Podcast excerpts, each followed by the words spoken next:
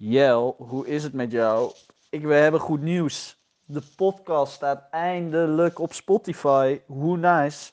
Dus nu heeft niemand meer een excuus om er niet meer naar te luisteren.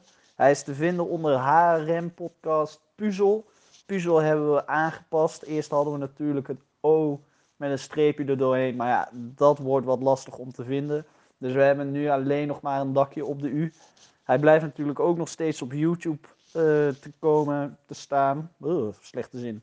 En uh, we gaan er gewoon iets moois van maken, Jel. Ik heb er zin in en alle luisteraars, zoek ons op op YouTube, zoek ons op op Spotify en deel ons. En uh, likejes zijn altijd welkom.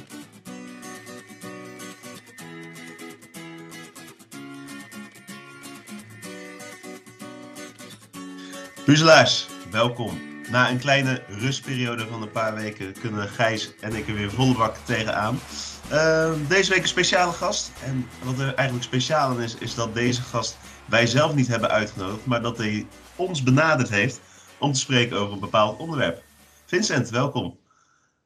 Dankjewel, dankjewel Jelle. Want Vincent, waarom had jij ons uh, benaderd? Kan je dat uh, vertellen?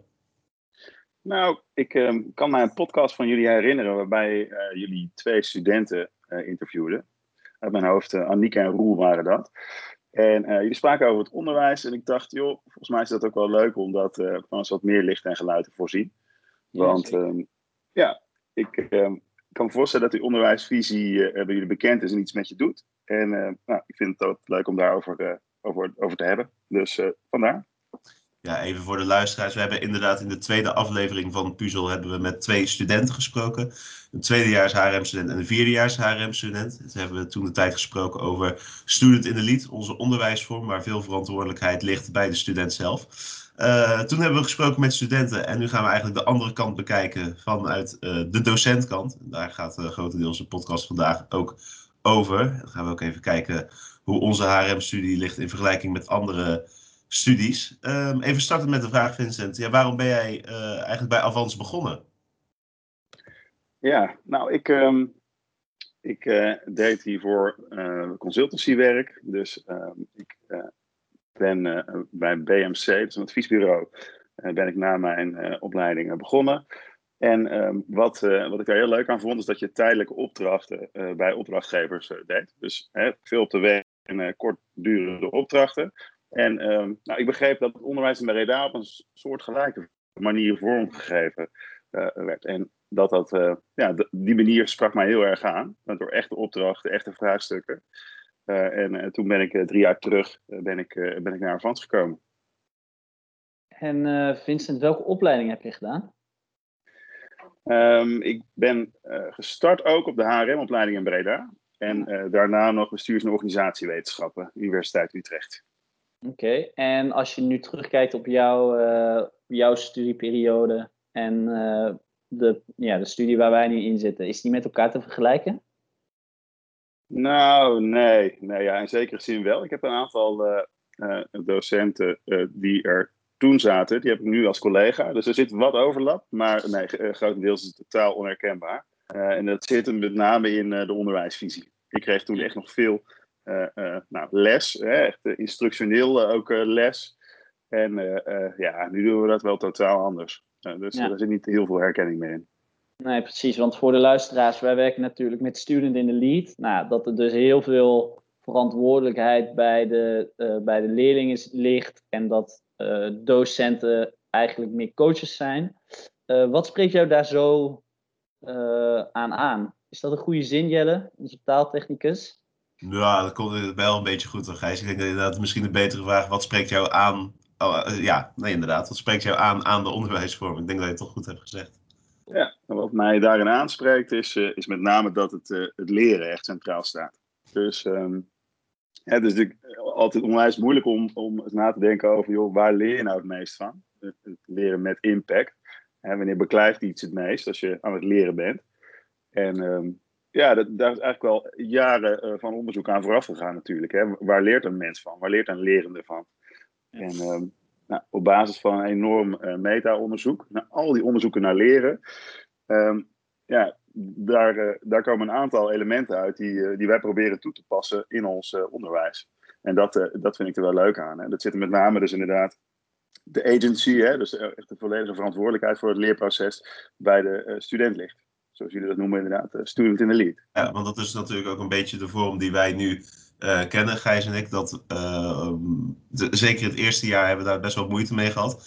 Dat er eigenlijk niet zoveel houvast werd gegeven vanuit de coaches zelf. Je werd redelijk snel het diepe ingegooid en er werd heel veel verantwoordelijkheid van je geëist.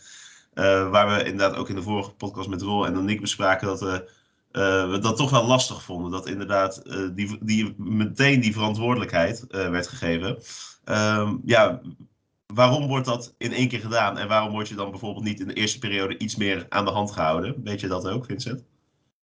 Nou ja, wat ik, wat ik daarvan weet, ik um, zit natuurlijk niet in het eerste uh, half jaar. Um, maar ik weet dat er in het eerste half jaar nog wel een soort van detox uh, fase is. Hè, waarbij je natuurlijk eerst les krijgt en uh, best wel ook traditioneel herkenbare elementen vanuit je middelbare schooltijd of vanuit je vooropleiding. Um, en dan inderdaad het junior semester, dat kan best wel cold turkey aanvoelen. Dat kan ik me heel goed voorstellen. Ja. En uh, ja, misschien, misschien is dat ook wel een beetje de bedoeling, hè? dat het een, in ieder geval een keer cold turkey is. Um, waarbij ik wel echt geloof in dat als dat gebeurt, dat het ook super belangrijk is dat er ook wel iemand is voor jou om even je verhaal bij kwijt te kunnen. Dus dat, een, dat er een coach samen met jou um, en, en, en die groep waarmee je samenwerkt, er is om samen na te over, joh, hoe ervaren we dit nu in deze vorm? Dat we zo in het diepe gegooid worden. En um, ja, wat voor, hoe kunnen we nou langzamerhand leren om keuzes te maken? Ook uh, binnen zo'n open vorm waar heel veel ruimte is. Dus uh, ik denk dat het gedeeltelijk heel erg de bedoeling is dat het even cool turkey aanvoelt. Maar ja, het valt of staat wel uh, met dat er dus iemand in je buurt is. Mijn vraag zou wel zijn van, um, was dat er voldoende, jullie perspectief? Was er voldoende ruimte om daarop te reflecteren? Uh, nou, vind ik lastig, want je hebt het natuurlijk erover. Wij werken heel erg nauw met coaches en je hebt, uh, ja, je hebt dan dus een, een PPO-groep waarbij je echt een coach hebt aangewezen gekregen. En ik denk dat wij heel erg geluk hebben gehad uh, met onze coach, omdat uh, ik heel erg met haar op één level zat, waardoor de communicatie heel makkelijk ging. Ehm, ja, voor mij persoonlijk wel. Maar ik denk dat als je kijkt naar andere mensen, andere mensen waaraan we dit ook hebben gevraagd, waaronder ook in de vorige podcast, uh, ja, is, was dat echt wel een stuk lastiger. En als jij niet een goede band hebt met je coach, uh, dan wordt het, ja, dan, nou, je hoeft niet eens een, niet een goede band voor te hebben, maar dan kan het wel echt heel lastig worden. En dan, dan ja, zit je echt voor een zwart gat. Ja, nee, ik deel wel je mening dat uh, ik, uh, wij hebben inderdaad dezelfde coach gehad en daar hebben we allebei wel een goede band mee gehad. Dus dat scheelt sowieso al wel. Alleen wij hadden bijvoorbeeld gisteren ook al over van, goh, inderdaad, die beginperiode was misschien wat lastig. Aan de andere kant, we staan er nu wel en we weten nu precies hoe uh, je jezelf moet profileren binnen de, binnen de studie zelf. En je weet precies wat je moet doen om tot de juiste resultaten te komen. Dus dan is de vraag eigenlijk ook voor ons van, is het nodig dat we inderdaad meer begeleiding nodig hebben in het begin? Of ja, is het, ligt het toch aan studenten zelf of aan de omgeving zelf om dan toch in het derde jaar te kunnen zeggen, ja jongens, ik sta er gewoon na een toch wat lastigere periode. Dat is toch denk ik ook een beetje wat Vincent vertelde, van ja, hebben jullie genoeg begeleiding daarin gehad? Um, ja, voor mij persoonlijk, ik denk uiteindelijk wel, als je vanuit die kant gaat kijken, dat wel uh, de, studenten, de, de, coaches die ik heb gehad altijd wel hebben aangegeven, nou ja, je kan bij mij terecht en die dat ook op een positieve manier stimuleerden, uh, dat ik wel gebruik heb gemaakt van de kansen die mij werden geboden. Ja, maar ik denk dan toch dat, uh, kijk, iemand kan dat wel zeggen, alleen je moet het dan vervolgens nog wel doen. En ik denk dat de opbouw naar ehm, zeggen dat je, of zeg maar verwachten dat een, dat een leerling naar jou toestapt als docent, ik denk dat je die opbouw beter moet. Uh, dat die opbouw beter kan. Want nu wordt vanaf moment 1 gezegd: je kan altijd naar me toe, we zullen je altijd willen helpen. Maar ja, als jij, als jij net op een nieuwe opleiding zit, je komt of van het MBO of van een studie die je niet hebt gehaald, wat natuurlijk ook best een klap kan zijn, of je komt van de middelbare school. Ja, dan zullen leerlingen dat gewoon nog niet zo heel snel doen. Dus ik denk dat je soms als docent toch net wat in het begin juist wat proactiever moet zijn en dat langzaam gaat afbouwen, waardoor je gaat opbouwen dat de leerlingen naar je toe komt, in plaats van meteen zeggen, ja, kom maar naar ons toe, dan helpen we je.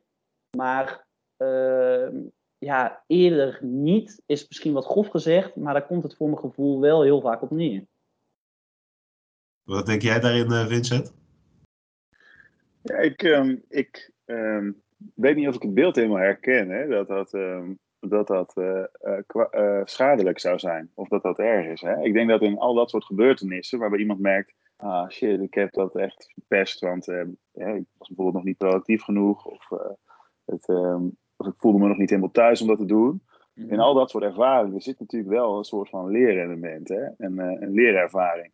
En ehm, ik, ik vraag, ja, ik vraag me hardop af, weet je, los van dat ehm, als studenten en coaches, hè, volgens mij moet je gewoon in elkaars buurt zijn en die het hierover hebben. Joh, hoe gaat het met je? Wat speelt er bij je? Ehm, dan praat ik vooral ook over de fase voor eh, corona. Hè? Dat we natuurlijk ook samen in die ruimte zaten. En dat dat ook echt wel een belangrijke pijler is in ons onderwijs. Dat je samen fysiek aanwezig bent. Ja. En ja, als dat nog niet in één keer helemaal eruit komt eh, bij een student. Want bijvoorbeeld wat voorzichtiger is of wat minder eh, proactief in beginsel. Hè? Want hoor ik Gijs eigenlijk een beetje zeggen ook. Mhm. Sommige studenten hebben dat gewoon nog even niet. Ja, dan kan zo, zoiets natuurlijk een hele mooie aanleiding zijn om dat wel te gaan ontwikkelen. Dan zit er ook een soort urgentie op dat je als lerende of als student of als coach kan dat ook.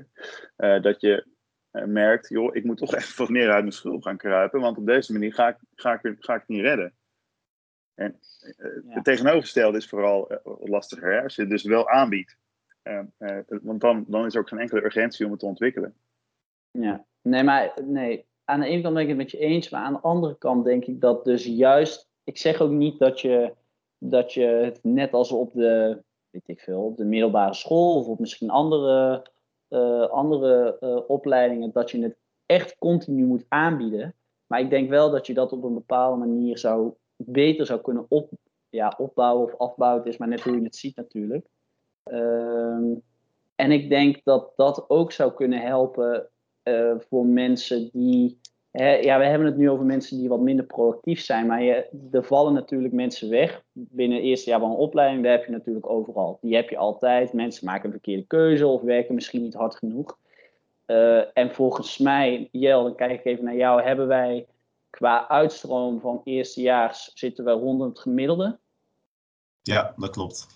ik, ik denk dat als je met onze opleiding daar. Eh, want de andere kant van, van de opleiding is dat we ook een heel hoog slagingspercentage hebben van studenten die dan die overblijven. Die slagen dan ook meestal binnen vier, vijf jaar. Maar ik denk dat dat, is natuurlijk iets heel positiefs, dat we boven dat gemiddelde zitten, dat mensen vroeg slagen. Maar wij zouden, denk ik, naar mijn mening, als je het wat beter opbouwt, zouden we ook eh, een beter percentage kunnen hebben van studenten die uitstromen. Dan zouden we onder dat gemiddelde kunnen zitten. Maar Gijs, Ja. heb jij niet eh, bewust de keuze gemaakt voor Avans HRM? Dat heb ik namelijk wel gedaan. Puur omdat ik wist, oké, deze onderwijsmethode gaat er komen.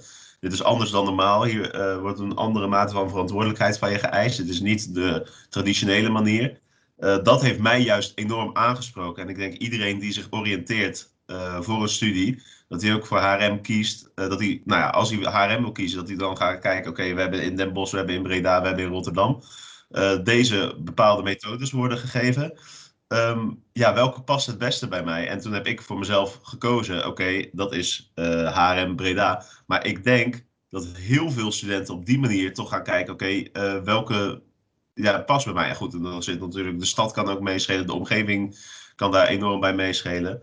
Ehm, maar ik denk niet dat je per se het, het eh, percentage echt omlaag gaat halen, omdat je toch moet gaan ervaren eh, hoe het is.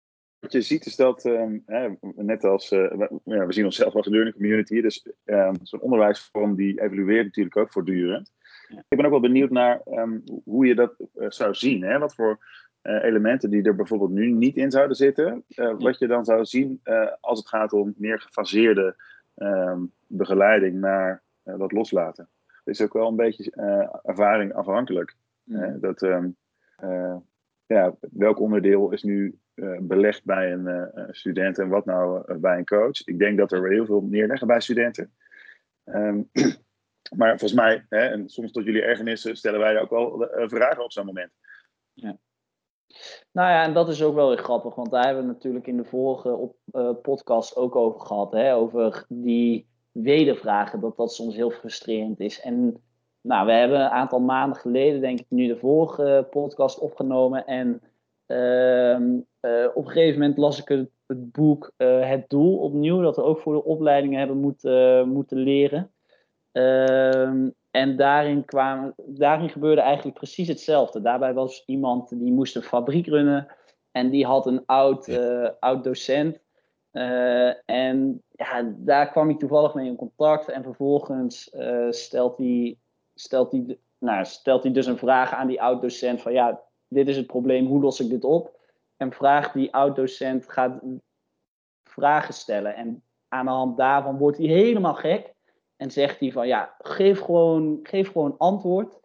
Uh, maar helemaal op het eind weg toen ook laten zien dat juist door, door die wedervragen, uh, dat hij uiteindelijk zelf erachter kwam. En eigenlijk was dat voor mij een soort van ja, eye-opener dat ik dacht van, hmm, misschien hebben die docenten bij ons, waarschijnlijk doen ze dat toch met een reden.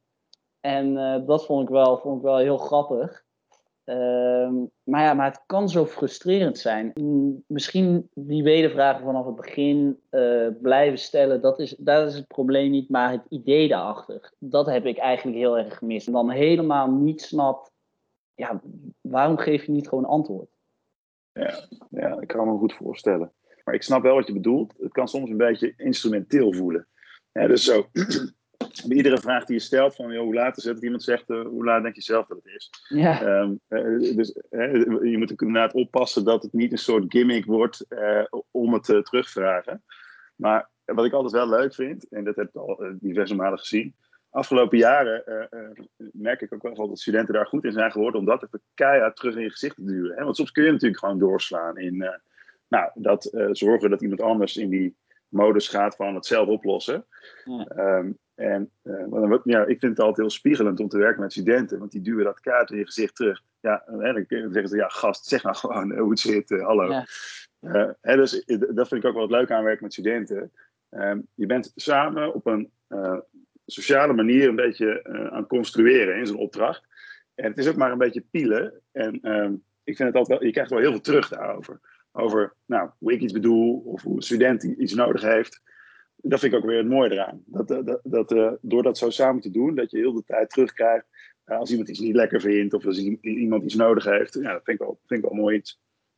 Ja, nou ik denk, ik denk dat het hem daar vooral voor mij in zit. Wat ik net ook aangaf met dat boek. Eigenlijk aan de hand daarvan begreep ik pas. Hè, en dat is natuurlijk ook een leerproces en dat is prima en daar leer ik ook weer heel veel van. Maar eigenlijk toen begreep ik pas van, oh, daarom ben ik de afgelopen 2,5 jaar zo verschrikkelijk gefrustreerd geweest. Ja, ja wat erg, hè? Nou ja, soms heb ik wel even, even Jelle moeten opbellen, want ik zie het allemaal niet meer zitten hoor. Ja, maar is dat ook niet normaal? Ik denk dat iedereen, ja, je studententijd moet toch ook ergens wel een beetje een uitdaging zijn of een manier van vinden hoe, hoe jij het prettigst ja, je, je, je studie vormgeeft. En ik denk dat het inderdaad dan bij onze manier net wat lastiger is dan uh, gewoon de colleges volgen. En uh, als je een keer geen zin hebt in bed, uh, de sheets teruglezen. Ik denk dat ja, je door die frustraties, wat je net zelf vertelde, Gijs, dat je achteraf een, een, een eye-open moment hebt van. Ah, zo ja. wordt het en zo moet het. Ik denk dat dat wel zo in elkaar zit. Ik weet niet hoe jij daarover denkt, Vincent. Ja, ik, ik, vind jullie het perfecte voorbeeld. Ik heb jullie natuurlijk niet in uh, groepen begeleid of op een andere manier. Ik ben niet jullie PPO-coach geweest of uh, opdrachtcoach. Um, maar wat ik aantref zijn twee gasten die uh, volledig zelfsturend, zelforganiserend, initiatiefnemend een podcast hebben lopen. Zonder dat iemand daarom jullie instructie opgeeft. Zonder dat iemand zegt, hey, Jelle en Gijs, het is nu alweer de zoveelste van de maand. Is het niet tijd voor jullie podcast? Oh, sorry meneer, nee, dat komt er morgen aan. Dat, dat, vindt hier helemaal niet plaats. Jullie zijn volledig zelfsturend bezig. Dus ja, ik, uh, ik heb er eigenlijk helemaal niet zoveel last van, het uh, verhaal wat Gijs mij vertelt. Ik zie vooral heel erg uh, dat, het, nou, dat het in ieder geval zijn vruchten afwerpt. Sorry Gijs. Nee, ja, dat, dat mag, dat mag. Maar Nee, ja, kijk, dat is natuurlijk ook wat je als, als opleiding ambieert. Wil je, wil je zo goed mogelijk resultaat of wil je zoveel mogelijk studenten helpen, bij wijze van uh, studenten opleiden? En ik denk dat dat die... natuurlijk ook weer interessant is. Houden die niet een beetje samen, Gijs? Uh, kan. Wel, uiteindelijk is nooit het uitgangspunt van een school, denk ik. Kijk, natuurlijk is het fijn om uh, heel veel studenten binnen te krijgen. Dat is denk ik ook een teken van waardering van hoe jij uh, bezig bent. Aan de andere kant is denk ik jouw doel jonge, jongvolwassenen klaarmaken voor het echte leven. En of dat er twee zijn of dat er 83 zijn, ik denk dat dat niet heel veel zou moeten uitmaken. nee, ja, ik, ik, ik, ik, ik herken dat uh, heel erg. Kijk, als je mensen heel erg instructies schrijft of structuur en uh, pad waar, waar ze binnen moeten uh, leren lopen, dan is dat ook hetgene wat ze geleerd hebben gedurende de jaren. Dan hebben ze geleerd om binnen die lijntjes te kleuren, om volledig die instructies te kunnen volgen. Dat wordt dan de vaardigheid. En als je, als je mensen chaos biedt of ruimte biedt, ja, dan leren mensen dus zelf structuur aanmaken. En, en ja, eh, dat moet je op een verantwoorde manier doen, dat herken ik. En je moet daar zijn, samen, fysiek ook, elkaar zoveel mogelijk treffen. maar ja, het feit blijft dat wat je erin stopt, krijg je er ook uit, volgens mij. Ik was net, Vincent, even een vraag vergeten te stellen. Um, ja, ja, in hoeverre is Student in de Lead door de jaren heen al veranderd? Want volgens mij is nu sinds vier of vijf jaar, als ik het goed heb, dat deze onderwijsmethode er nu is.